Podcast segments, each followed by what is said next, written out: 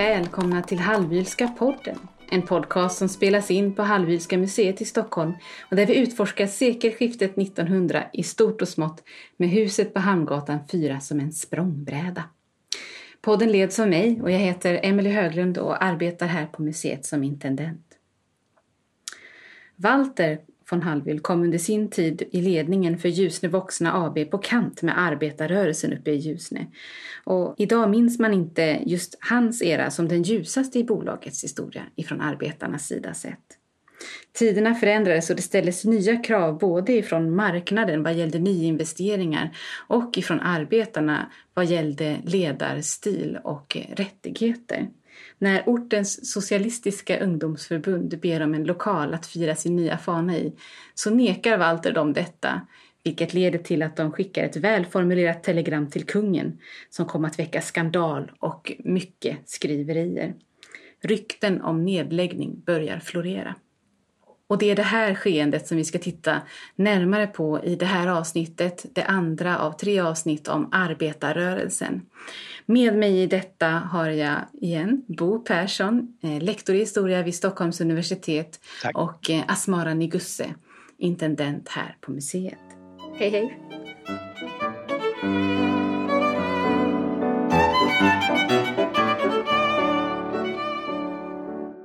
Om vi börjar med att titta på själva företaget Ljusneboxna.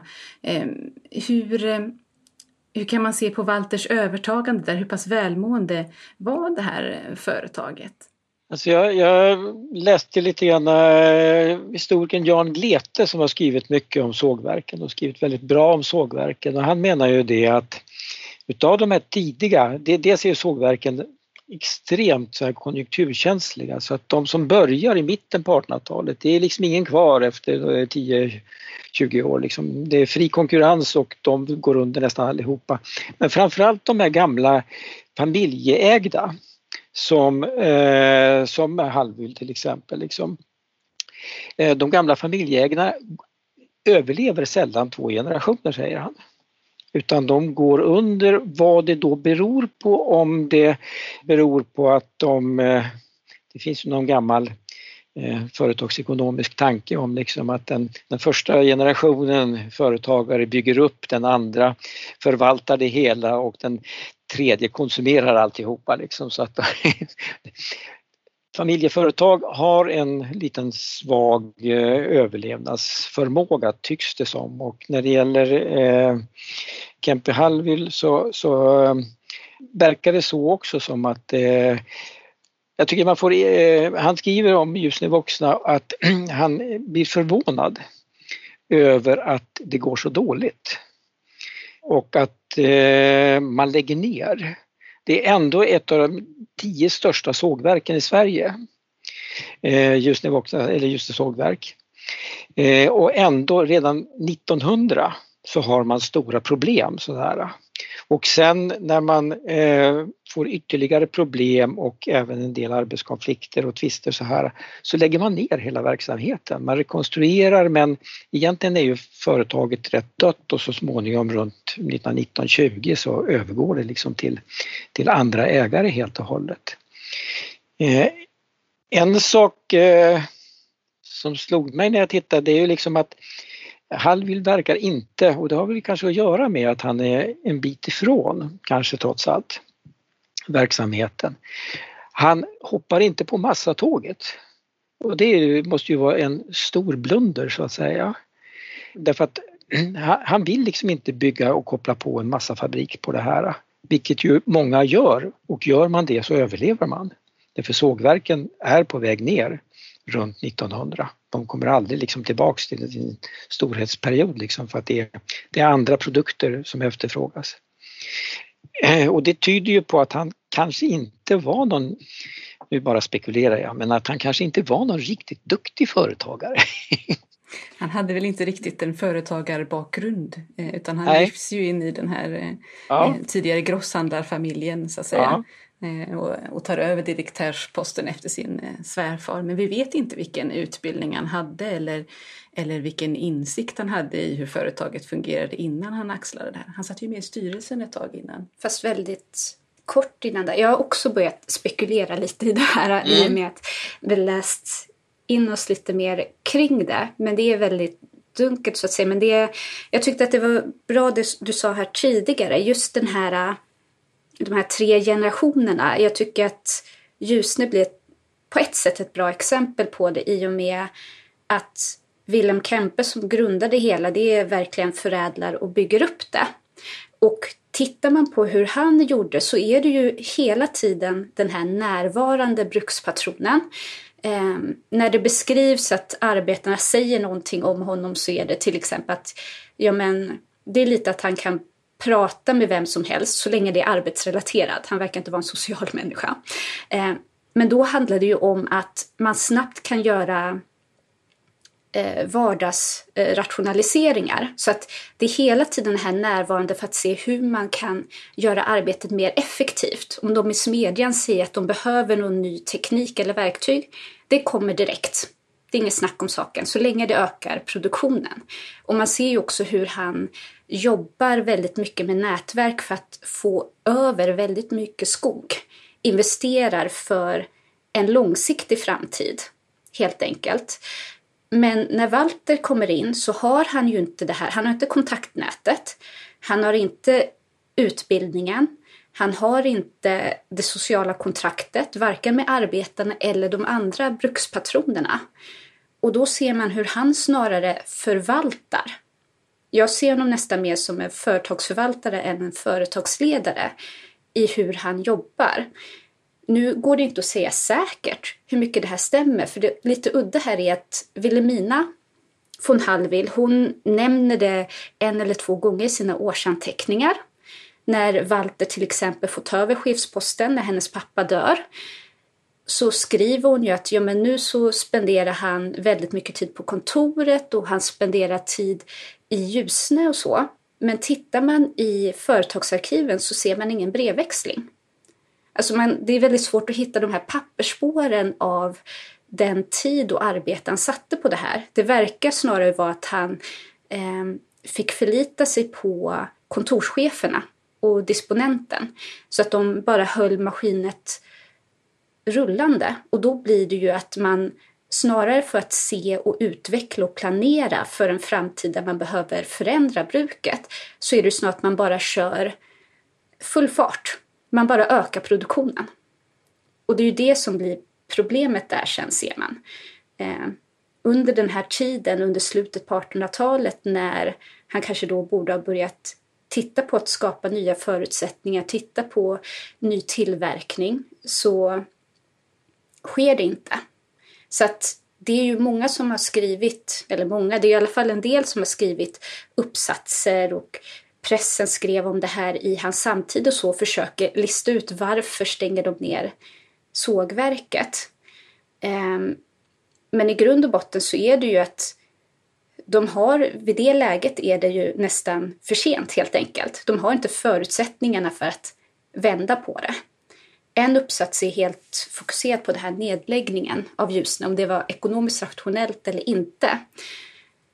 Och det de tittar på där var ju egentligen att slutsatsen var ungefär ja. Alltså när det kommer till eh, säkra sättet att garantera bolagens vinst så var det här rationellt. För annars skulle de ha förlorat så mycket.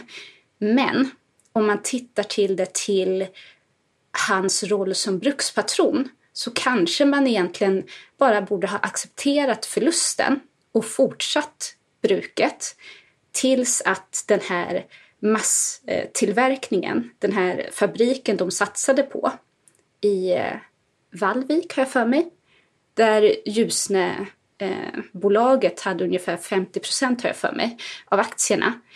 De kunde ha låtit sågverket fortsätta fram tills att den öppnade. Men man valde inte att göra det och det är snarare det, när man tittar i senare hand, som man inte förstår och som man klandrar då i så fall. Eh, men det verkar som att det var redan för sent där till att skapa en helt egen fabrik i Ljusne. Mm.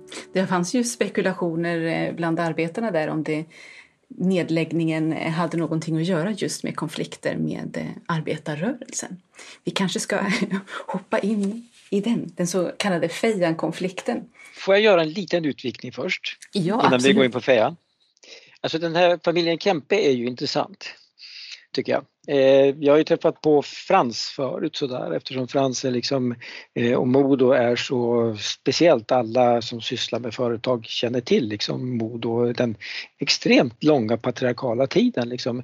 Och den väldigt renodlade linjen som Frans Kempe eh, driver, nämligen att eh, inga fackföreningar hos mig, men jag tänker heller inte gå med i SAF eller i, i Sågverksförbundet. Utan det gäller för mig också. Utan nu kör vi på egen hand här uppe. Och så bygger han upp ett mönstersamhälle. Eh, på många sätt. Eh, och han är ju den närvarande patriarken på många sätt sådär.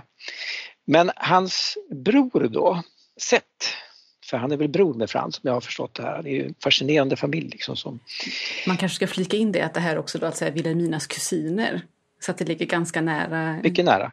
Han eh, äger ju då eh, Sandö och Dals sågverk i Ådalen. Han råkar ut för en stor konflikt 1906 som är lite grann slutet på de här föreningsrättsstriderna. Och han lägger ju också ner efter den striden. Han säljer båda bolagen. Det är liksom någon slags... Och han har också tidigare haft samma patriarkala linje precis som Frans och som eh, man har haft eh, på Ljusne. Både von Hallwyl då som är måg i det här liksom och sett har lite dålig ork om man säger så i den här situationen. Att man, man vill inte riktigt fortsätta när det inte riktigt går att fortsätta på det sätt som man haft förut. Jan Glete noterade också det här att ingen utav de här tre konstellationerna utav Kempar, alltså i Ljusne, Sandedal eh, och eh, uppe i Modo, samarbetar överhuvudtaget. Det är ju väldigt intressant. Mm. Helt separata. För annars kunde man ju tänka sig att när det går dåligt för von Hallwyl så lånar han pengar utav Frans. Eller får en massa bra teknik så att man kan redan kanske tidigare än man satte igång det här massafabriksprojektet, långt tidigare kunde man ha hoppat på det tåget. Så hade man varit liksom i fas med den övriga industrin. Så det, det är spännande. Personhistorien blir lite spännande också ibland tycker jag. Och tack för det där tycker jag också är jag förstår det inte för att när man tittar på Wilhelm Kempe så har han nära kontakt med sin bror, alltså då pappan till Frans och Seth Kempe. Så att de har ju konstant brevväxling, rådgivning och stöd. Eh, helt enkelt. Eh, och det var ju det som möjliggjorde att Wilhelm Kempe kunde göra de här investeringarna och bygga upp det här stora bruket i Ljusne. Och sen verkar det bara försvinna. Helt enkelt. Jag förstår inte varför det inte verkar vara någon kontakt eller rådgivning eller samverkan eh, mellan Vilhelminas kusiner då och hennes man Walter. För det hade ju ändå följt den här eh, traditionella patriarkala linjen. Och jag tycker också att det är lite udda att det är som du sa tidigare, Frans och de här, de tar ju den här väldigt tydliga traditionella patriarkala linjen med att de organiserar sig inte heller som arbetsgivare. Walter verkar ju i sina uttalanden i riksdagen och liknande och i det, de spår man ser i Ljusne hålla samma traditionella linje. Men samtidigt så är han ordförande för eh, vad heter hon nu igen? Svenska trävaruexportföreningen i ett antal år. Sen har jag inte kunnat se om han var aktiv i den. Det kanske bara var nästan som du vet en heders utmärkelse för han hade en så stor plats i kommunen vid den här tiden, så mycket makt. Men det känns också udda att han tar ställningen att vara ordförande i en arbetsgivarorganisering när han samtidigt tycker att varken brukspatron eller arbetare borde organisera sig utanför bruket. De ska ju ha den här personliga relationen till varandra. Mm, det är intressant. Man blir ju också lite nyfiken på i vilken grad de har diskuterat arbetarrörelsen sinsemellan och hur man väljer att, att hantera framväxten utav den. För det är ju också så när man har tittat på eh, skriverier om Walter så tolkar man ju hans hållning lite grann utifrån hans bakgrund som schweizare och som greve och att han skulle ha ett, ett feodalt tänkande. Eh, sådär. Och sen så tittar man på Wilhelminas kusiner som också håller en väldigt hård linje. Då blir jag lite nyfiken på eh, eh hur det kommer sig att de har ganska likartade Eh, om, om de liksom låg i diskussion, de har ju inte alls samma bakgrund och så vidare. Att, eh, ja, frågan är hur man egentligen ska tolka detta. Man ser på den övriga industrin så finns ju nedslag av liknande linjer, dels på bruken men sen finns det också, om jag har mitt minne rätt här, Separator som är en stor fabrik i Stockholm som låg på Kungsholmen. Eh, som hade en, en chef som heter Bernström han för en exakt likadan linje som Frans Kempe. Rent patriarkalt, antifacklig, stenhård antifacklig linje men också väldigt mycket social omsorg om de fabriksarbetare och det är ju rent fabriksarbete så det är ju en metallverkstad kan man säga, liksom. det är de som tillverkar separatorerna. Eh, men som också är en stark företrädare för den här patriarkala linjen. Så att jag tror att det man, dels kanske man kan se det som någon slags arv så att säga, men det är också ett alternativ för arbetsgivarna. Antingen kan man förhandla eller så kan man motarbeta men man kan också ha det här tredje alternativet, nämligen en patriarkalt styr, styrelse utav företagen. Och det finns på lite olika håll så att säga, även i det här väldigt stora formatet. Egentligen är det ju mera ägnat för ett ja, lite mindre företag så att säga där man kan överblicka och man kan liksom ha kontroll över ett lokalsamhälle och så men ganska stora företag också, även mitt i en storstad. Vilket jag, Bernström är spännande sådär som, som person. Intressant här är att jag undrar nästan om den här synen på Walter som eh, inte så strategisk eller bra företagsledare och så. Eh, bilden man får från Ljusnebruk, jag undrar också om det inte har mycket att göra med just att han bryter det här sociala kontraktet. För att tanken med den patriarkala metoden, den kräver ju den här personliga närvaron hela tiden. Och jag tycker att när man jämför med tidigare generation och generationen som följer efter så verkar de inte lika kritiserade av Ljusneborna just för att de utför det här eh, arbetet av vad den här närvarande eh, bruksfadern helt enkelt. Wilhelm Kempe, som jag sa, var ju inte social. Jag tror att i vår bok Skogen bakom palatset så nämns det att han är som en arbetsnarkoman ungefär. Men Ljusneborna så verkar ju som att, eller arbetarna ska jag säga där, eh, verkar ändå ha en någorlunda positiv syn till honom just för att han är närvarande och har dialog med dem när det kommer till arbetet. De kan vara med och förhandla och påverka sin situation. De kan bli sedda och hörda av sin brukspatron. Med Walter så försvinner det och sen när eh, Walters svärson då, Willem von Eckermann, kommer med eh, Ebba von Eckermann, då den äldsta dottern till Walter och Wilhelmina. Och när deras barn sen, Harry von Eckermann, kommer så kommer man ju tillbaka till den här idealversionen av en brukspatron. För att även fast företaget ändå går rätt så dåligt under deras tid och mer eller mindre går under under deras tid så har man en väldigt positiv syn till dem i beskrivningarna från arbetarna eftersom de är så närvarande. De är en del av det sociala livet i Ljusne, helt enkelt. Och man ser på dem som mycket bättre företagsledare och brukspatroner än man ser, vad man ser till Walter. De gjorde ju en del diplomatiska åtgärder också, som att under krisåren på 20-talet så skänkte Harry halva sin årslön till, eh, till facket. Det kan ju säkert också ha påverkat eftermälet en del den typen av, av handlingar. Även om det som sagt var under deras ledning som, som det till slut blev slut. Mm. Ja, men där, där verkar det ju som att de, de i alla fall hyllas till en viss del just också för att de gjorde det Walter inte gjorde. De försökte bevara företaget för arbetarnas skull. Alltså att de är medvetna om att det inte är lönsamt. Styrelsen vill lägga ner det. Men att till exempel Harry von Eckermann då ber om att få eh, ta över ett stycke av det bara för att brukets arbete ska kunna fortsätta vara sysselsatta. Att de inte ska bli bostadslösa för att allting bara läggs ner. Så att han gör ju det valet Walter inte gjorde när man valde att lägga ner sågverket eh, 1907 där. Eh. På tal om fejan och storstrejken.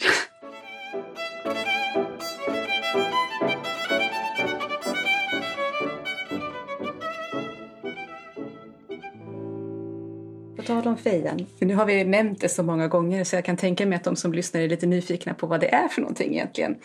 I våra ögon så är det här så här, ja, fejankonflikten och så vet man precis eh, vad man pratar om. Men det är väl kanske våran, eh, vad ska man säga, vårt ämnesområde som gör att vi tycker att det är så stort. För att om man googlar på det här då hittar man helt andra resultat än eh, sågverksnäringens och ämne kan jag avslöja. Man kan testa om man vill. Vad var det egentligen som hände då? Vad var det som eh, gav den här skandalen som det kom att bli, Asmara? Ja, men Fejankonflikten, det var ju där på försommar, sommaren 1905.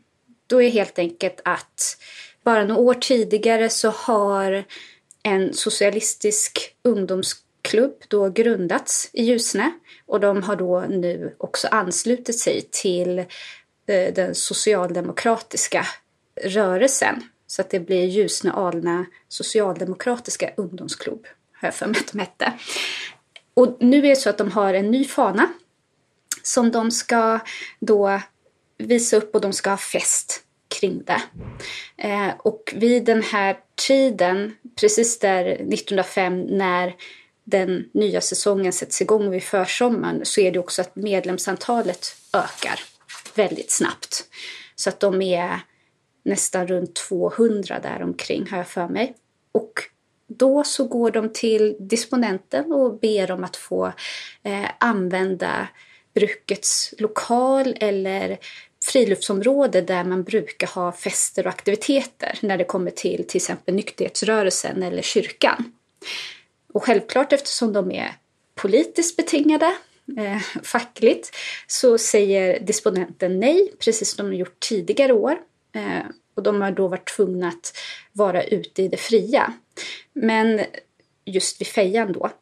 Och, men vid det här tillfället väljer man att göra en markering genom att, ja, då är man ute i fejan, man har sin fest, man har en agitator som talar, eh, Fabian Månsson, har för mig. Och sen så väljer man då lite som avslut att skicka ett hyllningstelegram till kungen. För att ja, ungefär tacka honom för hans fredsliga lösning av eh, unionsupplösningen. Och där i passar man på att sticka in att det är 1500 fattiga arbetare som står vid vägkanten som vill hylla kungen eftersom deras bruksplatron inte upplät en lokal för den festliga tillställningen. Så telegrammet skickas till kungen och det här blir liksom startskottet till en väldigt stor konflikt. I och med att det här blir ju att offentligt visa att eh, Walter von Hallwyl uppfyller ju inte sitt kontrakt då som brukspatron. Han tvingar sina arbetare att vara ute vid landsvägen. Eh, pressen plockar upp det här. Eh, det finns lite så här sägner i, i Ljusne kring det här att ja, telegrammet ska ha nått till kungen och att han ska då direkt ha kallat till, eh, till sig Walter eh, genom hans svärson, kammarherren von Eckermann, för han var då inom hovet. Eh, och att eh, Walter då skulle ha förlorat anseende hos kungen och det skulle då ha gjort honom otroligt förargad och han ska då vilja ta hämnd på sina arbetare. Nu har jag försökt hitta någonting kring det. Ingen verkar ha hittat något tydligt belägg för det här. Det verkar ha kommit ur protokollen för ungdomsklubben när de sen efter får känna av repressalierna. Ehm, för att det är ju sex stycken som sparkas direkt där en vecka efter att telegrammet skickas ut. Men den största effekten här är ju att det här sätter igång ett mediadrev mot Walter.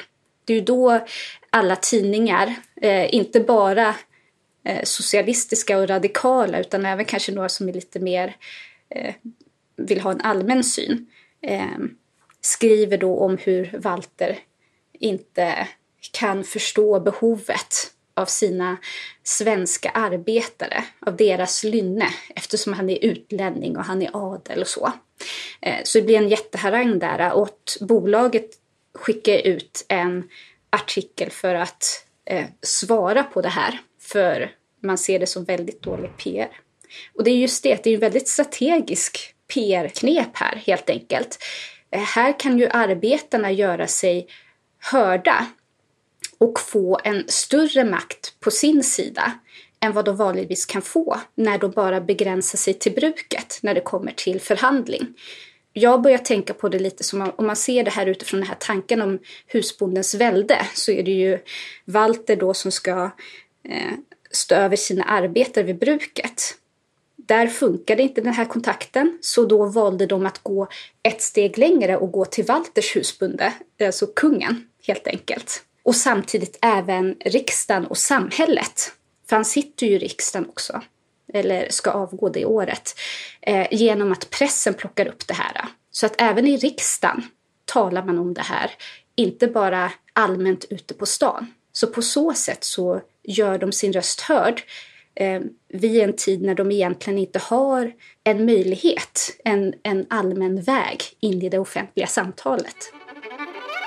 Är det här ett vanligt eh, grepp att ta till? Nej, det är det nog inte. Jag är så djupt imponerad av den här konflikten, eller det här telegrammet. Alltså jag, jag, eh, jag, har stött på det förut men inte ägnat det så stor tanke egentligen sådär, för jag har kunnat för lite om det sådär. Det är genialt. Det är fullständigt genialt och det är det jag funderar över det är liksom hur gick det här till egentligen? Hur kom man på den här goda idén? Var det Fabian Månsson som kom på det som ju var redaktör på arbetartidningen då i Gävle vad jag förstår? Och som ju var också ung socialdemokrat så här och var en duktig retoriker och allting så här. Jag läste telegrammet flera gånger nu liksom, inför det här liksom, för jag tycker det är så smart sådär. Liksom, så Just det här att åberopa fattiga arbetare. Jag har läst eh, när man i början på 1800-talet ute i bygderna ska skriva till kungen och så vidare så betonar man det här att vi fattiga människor i Ytterhogdal, vi fattiga bönder i Ytterlännes beder härmed om och så vidare och man betonar sin fattigdom och det är liksom ett gammalt, gammalt retoriskt sätt när man skriver till överheten. Och så just det här liksom små snärtar liksom åt bolaget, åt von Hallwyl, liksom på brist på plats liksom på landsvägen sådär. Och vi är på, sam, vi är på fest, vilket ju är en smärre lögn så att säga. Det var en fest, men en fest för någonting annat. Ja, precis. Eh, och det är Ers Majestät och regeringen jättesmart sådär, verkligen smart sådär. Och ska sent gå ur folkets minne. Ja, det är ju brödrafolkens väl så att säga, det är Oscar IIs valspråk så här, liksom, det är liksom den retoriken. Och den här odagalagda visheten och fredskärleken, det är så vältajmat. För jag var tvungen att kolla upp det här med unionsupplösningen, exakt så här vad det är som sker.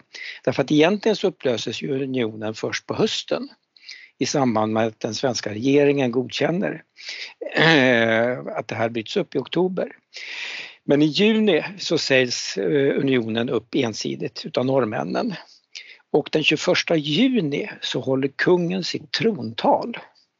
Och då han talar för en fredlig lösning och att unionen inte är värd tvångsåtgärder. För att många utav, eh, många i högern i Sverige ville ju anfalla Norge, helt absurt sådär. Men man vill börja krig så här.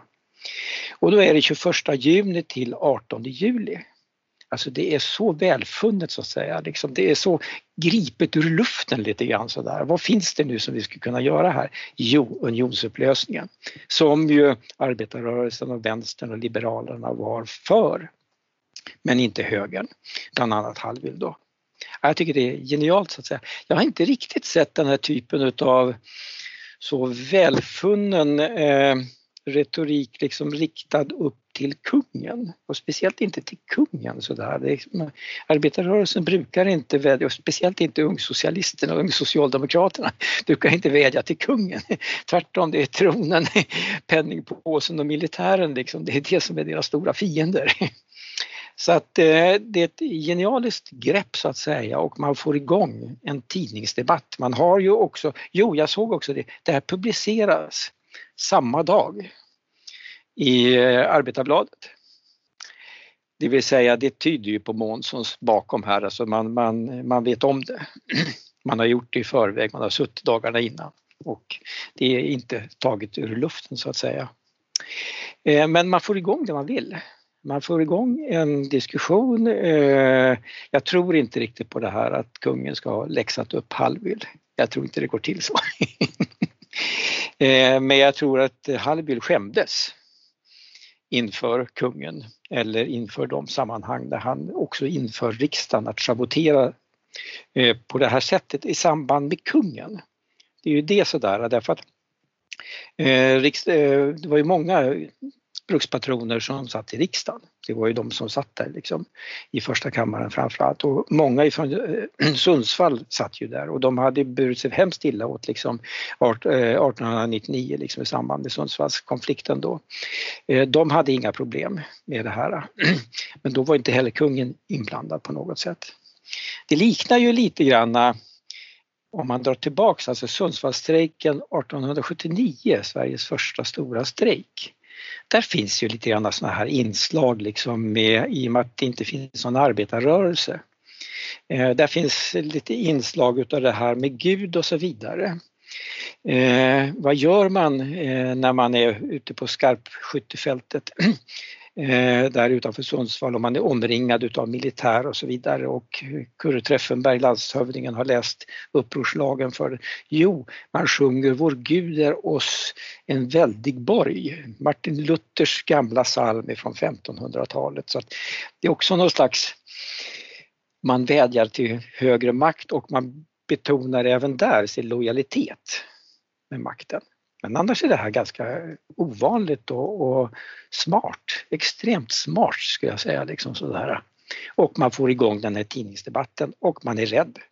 Eller man, man, tycker, man, man uppskattar ju inte tidningsdebatten därför att det, som du sa, liksom, det är inte bara den socialdemokratiska pressen liksom, och den liberala pressen utan även delar av högern börjar kritisera det här liksom mot, väldiga motståndet emot eh, fackföreningar och arbetarrörelse. Det, det är ändå 1905, vi, liksom, vi är en bra bit in på 1900-talet liksom, och det sitter företrädare i riksdagen och så vidare.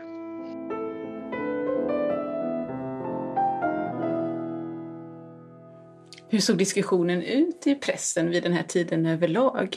Alltså det är ju från eh, från mitten av 1800-talet så är, har ju Sverige en jätterolig press skulle jag säga. Alltså en väldigt livaktig press som förespråkar alla möjliga åsikter. Det finns skandalpress, det finns högerpress, det finns liberal press, det finns riktigt radikal press så här. Eh, kommunistisk, alltså tidig kommunistisk press och så. Och det finns en stor pressdebatt och eh, även arbetarrörelsen har ju fått upp ögonen för det här även om man har svårt med pengar. Det kostar pengar att ge ut tidningar så att säga. Men det finns och man använder sig utav pressen väldigt, väldigt mycket i den fackliga kampen. Man, man ser till att man får in referat där. I sin egen press så skriver man ju alltid referat från alla konflikter. Eh, man brännmärker strejkbrytare i pressen, man proklamerar blockader och strejker. Man, pressen är en del utav offentligheten. Alla människor läser inte tidningar som prenumeranter men det finns på offentliga lokaler, det finns på krogar, det finns på kaféer.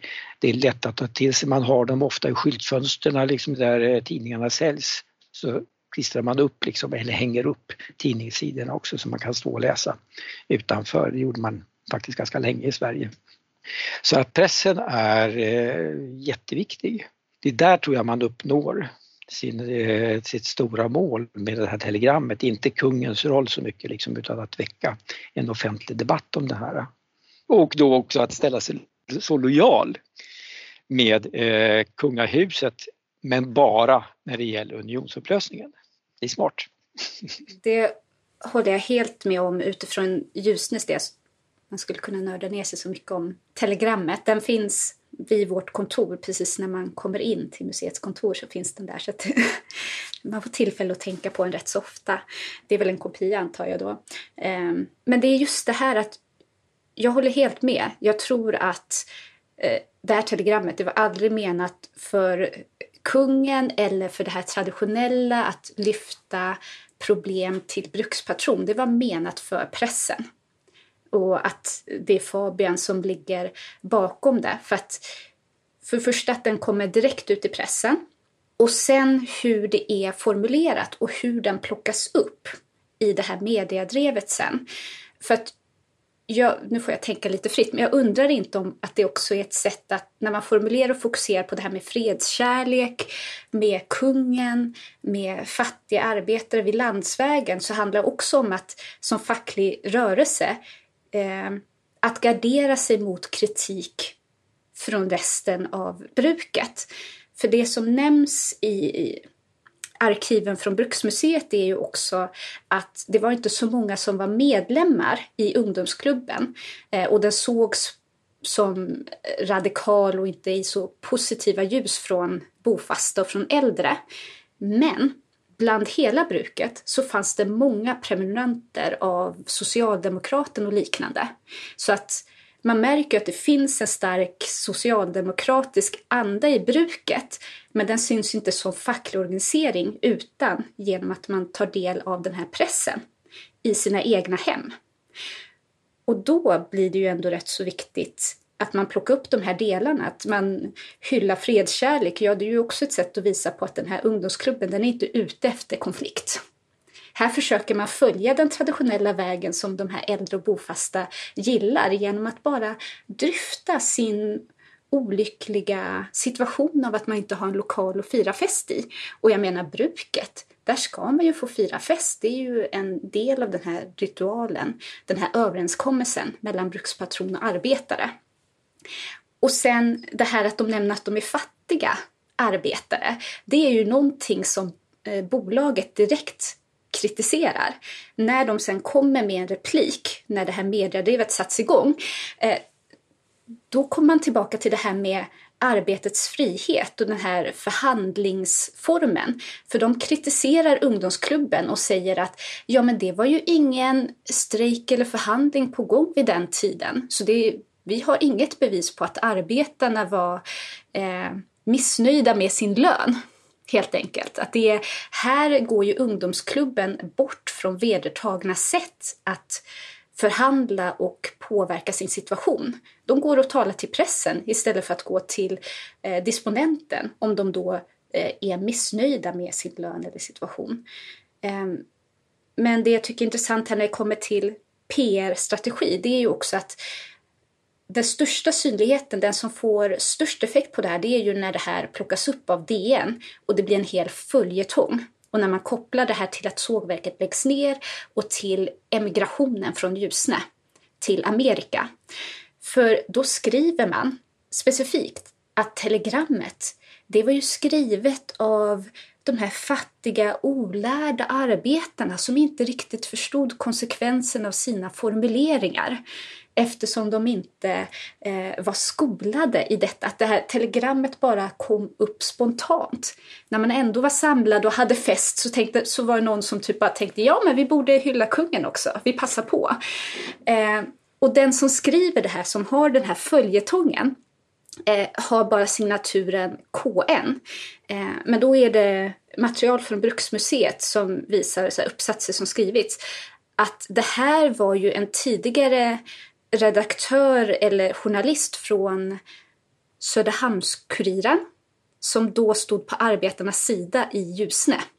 Så i Söderhamn så var det ju Söderhamns-Kuriren som stod vid arbetarnas sida och Söderhamnstidningen som var den konservativa som stod vid bolagets sida.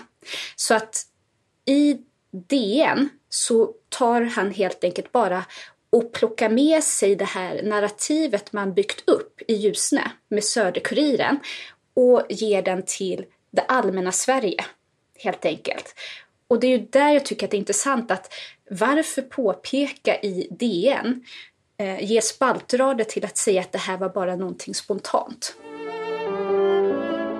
Ja, vad finns att vinna med det? Att lite grann omyndigförklara sin egen handling sådär? Eller sin... Ja, men det visar ju att facket inte är ute efter att skapa problem. Det här är inte organiserad facklig rörelse. Det är bara fattiga bönder som ville visa sin lojalitet och kärlek till kungen och nationen. För i DN eh, följetongen så passar man ju också på att plocka upp det här allmänna spåret som de andra artiklarna gör. Eh, pressurklippen är bevarade i våra arkiv, det är därför vi kan få den här överblicken. Eh, just av att Walter som utlänning förtrycker sina arbetare utifrån deras svenska lynne och svenska fredskärlek. Och där kan man koppla sig också till kungens handling. Att det är Walter som tvingar dem att inte kunna leva utifrån sitt liksom, naturliga sätt att vara. Så intressant. De, ja, så de skriver ju liksom inte på ett konstlat och organiserat, förplanerat sätt, utan här får ni bara känna av de här svenska arbetarnas eh, fosterkärlek och frihetskärlek. Och så råkar de bara uttrycka sig lite klumpigt i det, helt enkelt. Du menar att det på något sätt skulle också vara ett sätt att göra det mer allmänt? Ja. Att gälla för fler? Mm, och också att då inte kunna säga att eh, här har man bara några som försöker skapa problem den här allmänna tidigare synen av den oorganiserade strejken. För brytningen här också handlar ju också om att som de blir kritiserade av bolaget och som de blir kritiserade av andra äldre och bofasta är att de inte följer den här traditionella synen av strejken som ett verktyg att främja sin egen sak. Här försöker de ju bara främja synen på arbetarna överlag det här är inte kopplat, Fejan-konflikten är ju inte kopplad till en specifik löneförhandling eller förhandling av arbetsvillkoren. Det här handlar bara om egentligen den allmänna rätten, föreningsrätten till exempel. Och då vet de ju att de egentligen inte har stöd inom bruket för det. Så på ett sätt där så kan man ju också se till att de inte kan kritiseras för att försöka organisera sig för föreningsrätt eller liknande eller för att motsätta sig det här kapitalistiska systemet. Utan det är bara här ser ni ungefär nästan som ett omedvetet nödrop av deras utsatta läge. Om jag får spåna lite. Spännande. Så intressant att det här fortsätter liksom så flera år framöver. Är det den här klippsamlingen ni har, är det Hallwyl som har åstadkommit den eller? Wilhelmina. Det är ju hon som är museiskaparen här och det är det jag tycker är intressant att med pressurklippen vi har här. Hon väljer ju inte att bara spara för att visa på en, en god syn, försöka försköna sin eh, bild och sin familjs bild utan hon sparar eh, alla pressurklipp som nämner hennes man, henne själv, museiskapandet, eh, lite allmänna företeelser som sker vid den här tiden, frikyrkoreformen och allt sånt. Eh, och det jag tycker är intressant här är med Walters del är ju just att det finns ungefär totalt 45 pressurklipp i den som inte rör när han dör. Där finns det också flera. Men av de här 45 som finns i början så är det kanske typ två som nämner någonting om att ja, eh, greven har eh, tagit över företaget eller greven hyllas av arbetarna eh, vid bruket, vid typ 50-årsjubileum för bruket eller någonting. Medan resten är den här konflikten.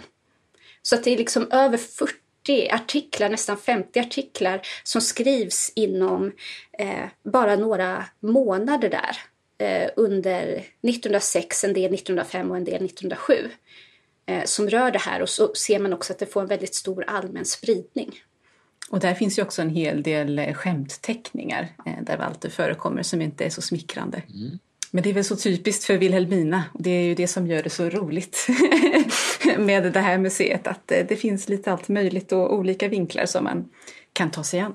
Mm. Så enkelt sagt så telegrammet lyckas ju och målet var att synliggöra eh, läget i Ljusne för arbetarna och kanske försöka få Eh, den socialistiska klubben och se lite mer i, i ljusa dagar i allmänheten.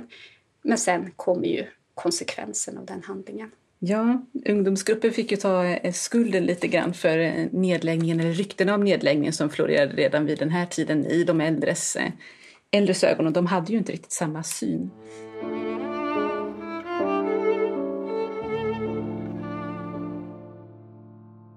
Jag tänker att vi kanske ska prata lite också om det här med generationsskiftet eh, och dess betydelse för, för synen på relationen mellan arbetstagare och eh, arbetsgivare. Vi var ju inne lite grann på det tidigare. Eh, men de här ungdomarna de har ju inte erfarenheten av att leva under husbondevälde på landsbygden utan de eh, har ju blivit yrkesverksamma under sågverkens tid och det här har varit deras eh, naturliga eller vad man ska säga, eh, arbetsform. Och de ser på, på kontrakten på ett annat sätt eh, än vad de äldre gör som har, haft, som har en annan sak att jämföra med så att säga och vill förändra och Ljusne i deras hem. Det är liksom, här finns ju inte alls samma tanke eller motivering att gillar jag det inte så går jag bara över till nästa bruk utan det här är mitt hem. Här ska mina rättigheter få företräde så att jag ska kunna kräva dem. Och där ser man ju ett tydligt brott mellan dem och deras föräldrageneration. Mm. Och det fick ju stora konsekvenser eh, för de som eh, var drivande i det här. Sex man fick eh, sluta sin tjänst och August Gillberg som var en av de som hade signerat det här telegrammet, han emigrerade till slut också till, till Amerika. Mm. Och det, men det intressanta där är också just det här med att eh, om det är helt reaktionärt eh, oplanerad hämnd från bolaget eller inte. För det intressanta där är ju att han ger sig av tidigt. Men den andra som skriver under också, eh, Lindahl, Julius Lindahl, här för mig, han är ju kvar ett tag. För skillnaden där är ju att han arbetar ju eh, inom, eh, får se det, kättingsmedjan eller så. Nu vill jag inte säga fel här. Men i alla fall, han har en mycket starkare position igen. Han är specialiserad, han har stort förtroende på bruket, stor erfarenhet och företaget vill inte förlora intäkter genom att sparka honom direkt, märker man där. Ehm, det pågår också en lockout vid den här tiden ehm, vid andra bruk, verkar det som, vid verkstäderna. Ehm, medan Ljusne så fortsätter man, så där tjänar de ju in rätt mycket just då. Eh, och då vill de inte att produktionen ska stanna. De är rädda för att om de sparkar honom också på direkten på grund av det här så kommer produktionen att avstanna i bruket. Så man väljer att vänta tills den här eh, lockoutperioden är över och sen får han sparken när det liksom inte längre är extra gynnsamt att ha honom kvar. Så det visar ju också att det är det är ju inte bara det här att det är, nu har ni brutit mot kontraktet i bruket, ni har gjort det eh, brukspatronen hatar, ni ska förkastas, utan man är ju fortfarande väldigt strategisk, man ska säga rationell i besluten av vilken sorts bestraffning och vem det är som bestraffas för det här. Ja, det är ju väldigt intressant om man gör så stor skillnad. Ni som eh, kan det här med Ljusne, eh, det är alltså så att eh, eh, von Hallwyl för samma politik för alla delar utav verksamheten. Inte bara sågen utan även för kättingsmidet eh, och för, eh, det finns en masugn där också väl och lite andra saker. Det är hela bruket som omfattas utav den här antifackliga. För de grupperna är ju ofta mer fackligt medvetna tidiga och mycket mer organiserade, i synnerhet smeder och sånt här. Och det är ju det. det. Det är ju ett... Walter är ju helt emot det här. Men jag börjar nästan inte undra om det är att disponenten ser lite mellan fingrarna på det när det kommer till den här lite mer, eh, vad ska man säga, eh, lokala, rationella fackliga organiseringen. Just med smedjorna och så. Eh, för Lindahl var ordförande har jag för mig, för deras eh, järn och metallavdelning där. Och det är väl lite också för att de har den, den starkare positionen, mm. helt enkelt. Det kommer kosta bolaget om de väljer att försöka spränga eh, de här fackliga föreningarna, så de låter det vara. Eh, mm. Och det kanske då också att Walter inte riktigt känner till hur väl förankrade de är. För att det är ju, de har ju, alltså om man tittar på det på ytan så finns de inte. De får ju inte någon lokal att uppehålla sig i. Det beskrivs ju att de möts ute i skogen eller vid fejan eller ett tag så finns det en liten övergiven ladgård ute i skogen som de använder som lokal och samlingsplats. Men så fort ledningen får reda på att arbetet samlas där så rivs den. Och så finns den inte kvar. Så att det, är, det verkar som att när det blir synliga fysiska bevis av facklig organisering så slås det ner. Men i annat fall så, jag tänker ungefär, eftersom Walter inte är så närvarande så syns det inte, finns det inte, ungefär. Så att de här lite mer starka positionerna, och de är ju inte jättestora, de här mindre specialiserade fackliga organisationerna i Ljusne. Eh, så att det är inte liksom risk att eh, järn och metall kommer att kunna dra med sig sågverket och de andra delarna och brädgården om de väljer att gå ut, utan det är fortfarande att det nästan följer. Det är som en förstoring av de gamla lagen. Att det är en grupp som går ihop och för sin talan till disponenten och följer fortfarande den gamla modellen där. Det är väl därför det också blir så stort och slående och att man väljer att kritisera just ungdomsklubben. För de går ju också bort från det här arbetssättet. Eh, för de här mindre lokala fackliga föreningarna, de är ju inte okända. Till exempel så finns det memoarer från en lärare som arbetade där då, eh, Wilborg. Och han är eh, väldigt aktiv i nykterhetsrörelsen och eh, det här frikyrkliga och så. Har inget övers till det socialdemokratiska eh, den fackliga organiseringen där. Och han ger personskildringar. Och då är det till exempel en av de här som är ledande inom när det kommer till järn och metall och så. Ja, då skriver han gärna att de, det är en väldigt bra och redig kar och att arbetet de gör är bra där och att de organiserar sig ungefär för att förbättra sin sak. Och så sätter han dem emot ungdomsklubben och ungefär gör att den här lokala föreningen är ett bevis på hur ungdomsklubben är ju bara eh, de här eh, lösa arbetena, de här ungdomarna som inte riktigt har vett, tålamod, erfarenhet för att arbeta logiskt, utan de sätter hela bruket i fördärvet med sina nästan känslomässiga utspel. Eh, Wilbur är ju väldigt tydlig i sina kommentarer. Vid något tillfälle där så skriver han ju till och med också hur eh, att det är så tydligt att det här, den ena är en så mycket mer intelligent grupp. Att det är liksom, det, det är bara det här lösa, dåliga folket. De får alla så dåliga epitet av honom, helt enkelt. Eh, de är på fel sida av ljusan också, fel sida av stan, av bruket.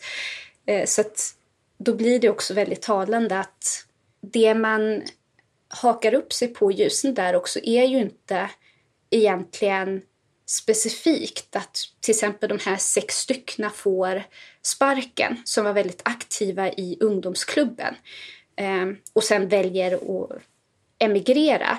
Utan det är ju just också att de här andra som Lindahl och andra arbetare som har centrala och viktiga positioner inom bruket väljer också att överge bruket, att emigrera.